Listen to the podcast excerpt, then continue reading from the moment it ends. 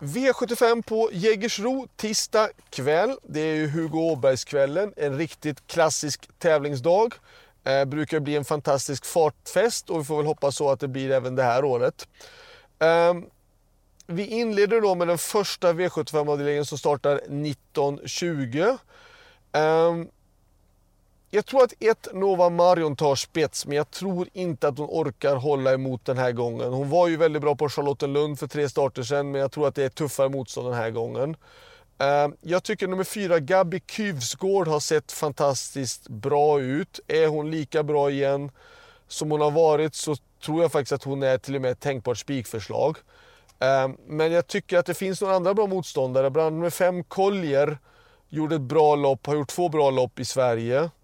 Eh, tre Rit Hasselar var ju fantastiskt bra näst senast då när Dexter Dan körde. Och åtta Lady Beluga är också bra och där bakom rankar jag ett Nova Marion. Jag säger att fyra är den solklara första hästen, tänkbart spikförslag. Där bakom fem, tre, åtta och ett. V75 2, här skulle vi kunna gå kort med två Wall of Money och sex Damon Hill Treb. Eh, har man, vill man ta med ytterligare hästar då tycker jag 1 Mercury Boko och 3 All for Love är intressantast. Vill man ha ett, ett roligt drag, då säger jag 11 Global Bambotin som har dragit ett tråkigt utgångsläge men har sett fin ut faktiskt. Ehm, men det är klart, spår 11 på 1600 meter är ju såklart ett väldigt stort långskott. V75 3 8 Mick N Boko har sett jättefin ut och vunnit nästan alla lopp den har startat i känns det ju som. Um, visserligen har den dragit ett tråkigt utgångsläge men jag tycker ändå att så som den här har sett ut så är han ju en solklar första häst i det här loppet. Um, där bakom tycker jag att det är jätteöppet. Utan inbördes rangordning så säger jag 3 Gatling, 4 Leroy Boko, 10 Cheyenne SLM och 12 Generalen. Eh, åtta solklar första, där bakom 3, 4, 10 och 12. Gatling känns fin, på väg in i form, men som sagt det är ett väldigt öppet lopp bakom för 8. V75 4. Eh, svårt att gå emot två Ester Degliday som vann på 11 och 4 senast. Eh, hon har vunnit alla sina starter, sina fyra starter hittills. Hon är visserligen ett sto som går ut och möter hingstarna men jag, med tanke på att hon har gått den bästa tiden och har det bästa utgångsläget så tycker jag att hon är ett tänkbart spikförslag. Um, där bakom så är det ju då 1, 3, 4, 5, 6 och 10 som är intressantast emot. Uh, V75 5. Uh, 6 Carlo Forte Font.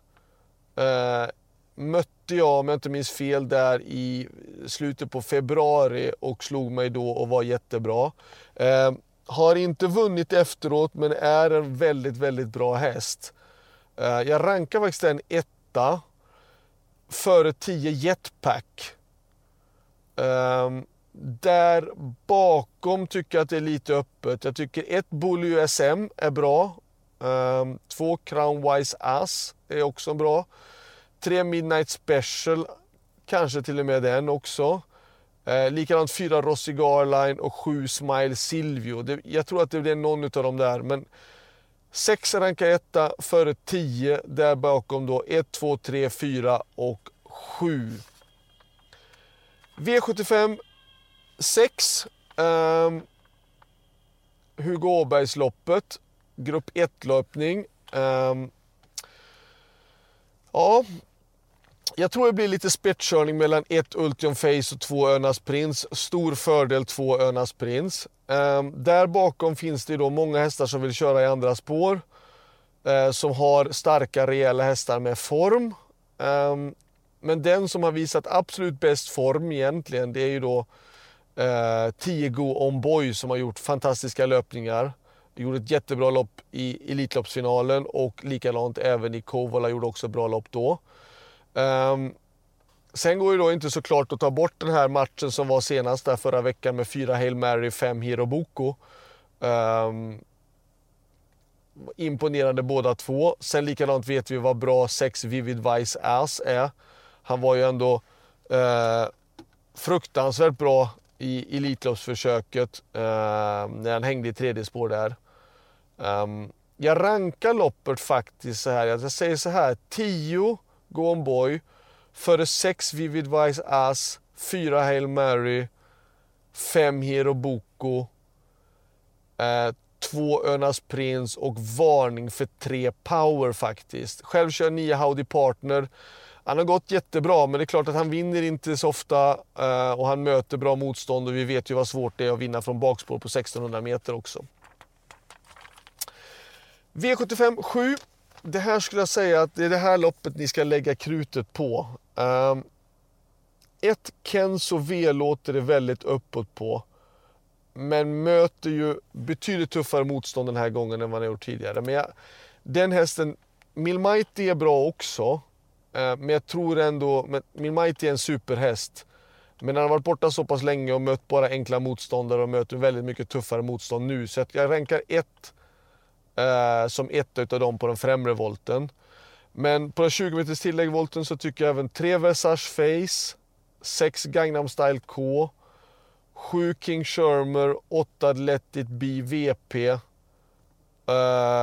10 Iron Jet tycker jag är intressant. Eh, och sen då från 40 meters tillägg Kanske ett lyxstreck med 11 Garuda Fligny. Men självklart då så vill jag med nummer 12 Ferrari Sisu. Så jag säger 1, 3, 6, 7, 8, 10, 11 och 12. Varning på 2 Mil Mighty. För Mil Mighty är en riktigt bra häst om man fungerar och håller ihop. Slutsummering. Eh, bästa spikarna eller spikförslagen. Jag tycker att det är då eh, i den första avdelningen så är det då den här fyra Gabby Kufsgård. Eh, eller i den tredje avdelningen, eh, i den tredje avdelningen nummer åtta Mick N. Boko. Eller i den fjärde avdelningen nummer två Ester Degliday. Min bästa chans den kommer faktiskt i sista avdelningen då. Eh, jag har inte jättemycket chans i den här men jag tycker att det är den intressantaste är då i den sjunde avdelningen nummer 10 Iron Jet. Så det var allt. Ha en eh, fortsatt trevlig dag så hörs vi vidare sen. Hej då!